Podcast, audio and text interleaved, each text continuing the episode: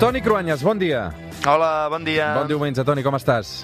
Bé, diumenge. Diumenge jo relaxat. Tu no tant, eh? No, eh, tenim un cap de setmana molt, molt, molt mogut. Eh, I, de fet, eh, molt mogut per la plana política, amb tot el que està passant a Itàlia, però eh, també amb un altre nom propi, és Cumbre Vieja, és el nom del volcà que des de diumenge passat a la nit eh, està en erupció a la Palma, I a, a les Canàries. Eh, Sí, com enganxats a la pantalla, no? És un fenomen molt fascinant. Hem vist unes, unes imatges espectaculars als telenotícies. Clar, vosaltres a la ràdio no podeu jugar amb aquesta cosa que és com hipnòtica, això de mirar el foc, l'explosió en directe.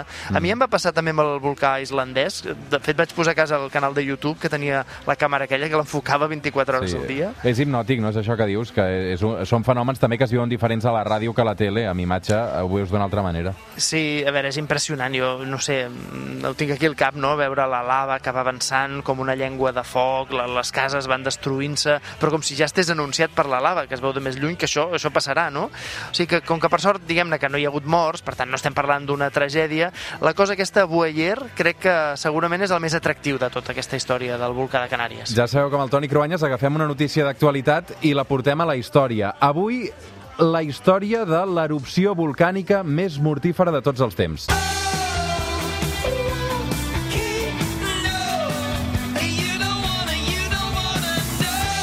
Això que sentim és eh, Volcano dels U2, que ens va molt bé per uh, situar-nos ara mateix a l'Itàlia de l'antiga Roma. Eh? Ens situem a Pompeia.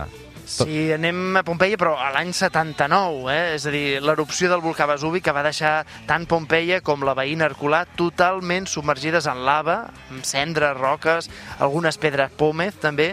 Uns anys abans ja havien patit un terratrèmol important que havia provocat una destrucció generalitzada al voltant del golf de Nàpols i part del mal fet pel terratrèmol estava reparant-se justament quan hi va haver aquella erupció.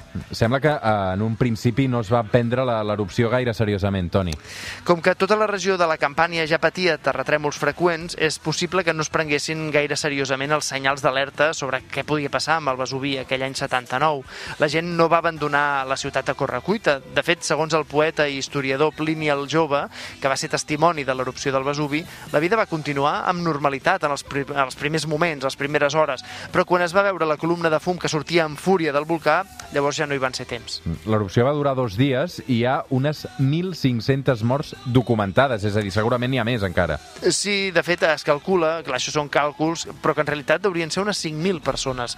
Gràcies a investigacions científiques molt recents, ara sabem que els morts a Pompeia no van sucumbir per asfíxia, sinó perquè van quedar rostits, literalment, per la lava.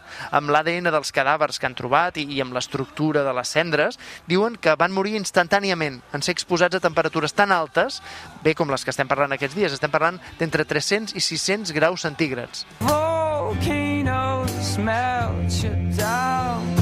And what I Toni, com va ser aquella erupció del Vesuvi? Va durar dos dies. Al matí del primer dia es va sentir un fort rugit i un terratrèmol i després ja no va ser fins a la una del migdia que va començar l'erupció violenta del volcà. Llavors és quan van caure les primeres pedres, la cendra. A primera hora del dia següent ja va ser quan va començar a sortir els, els fluxes piroclàstics del volcà. Va ser molt ràpid i el núvol tòxic que va generar era dens, era molt calent, mentre la lava va anar destruint tot el seu pas fins arribant a Pompeia i després també les ciutats veïnes menors d'Herculà i Estàvia. A dia d'avui, Toni, més de 2.000 anys després, eh, encara queden parts de Pompeia per desenterrar de tot plegat. Clar, només tres quartes parts de Pompeia s'han pogut reconstruir. Falta molt dels 18 quilòmetres que es van veure afectats per la lava, més enllà de Pompeia ciutat. Però, mira, precisament perquè els va agafar per sorpresa, el que va aconseguir aquella erupció va ser deixar el testimoni d'una foto fixa del que seria com era la vida romana en aquella època, en un moment determinat, en el moment que hi va haver l'erupció. Un gran núvol de sofre va envoltar tota la ciutat, eh, també? El sofre va entrar pels forats a les parets i les finestres de les cases. La gent es va posar roba a la cara i al nas, com ara les nostres mascaretes, també a la boca per evitar la intoxicació. I quan no van poder més, van sortir de casa seva per respirar.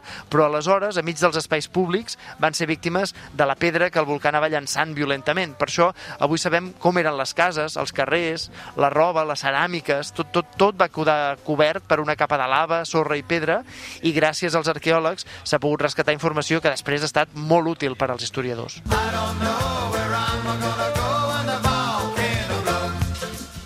Com era Pompeia en aquell moment, Toni?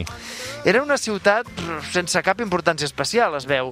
Des que s'havia convertit en una ciutat romana, estem parlant del segle I abans de Crist, molts rics s'hi van anar construint cases grans i luxoses, aprofitant el bon clima al costat del mar. Era prou a la vora de Roma com perquè els ciutadans romans que volien un lloc més tranquil per descansar doncs acabessin instal·lant-se allà, a Pompeia. Una visita turística que eh, a dia d'avui la cosa ha canviat i, i és molt, molt recomanable. No sé si hi has estat tu. Totalment, sí, sí, i és molt recomanable perquè és, és, és història a l'aire lliure, és, és una visita impagable per, per la vida antiga de Roma i tot, doncs mira, gràcies a, a l'erupció d'aquest eh, volcà, el més mític de la història. Cuando yo solo era brisa,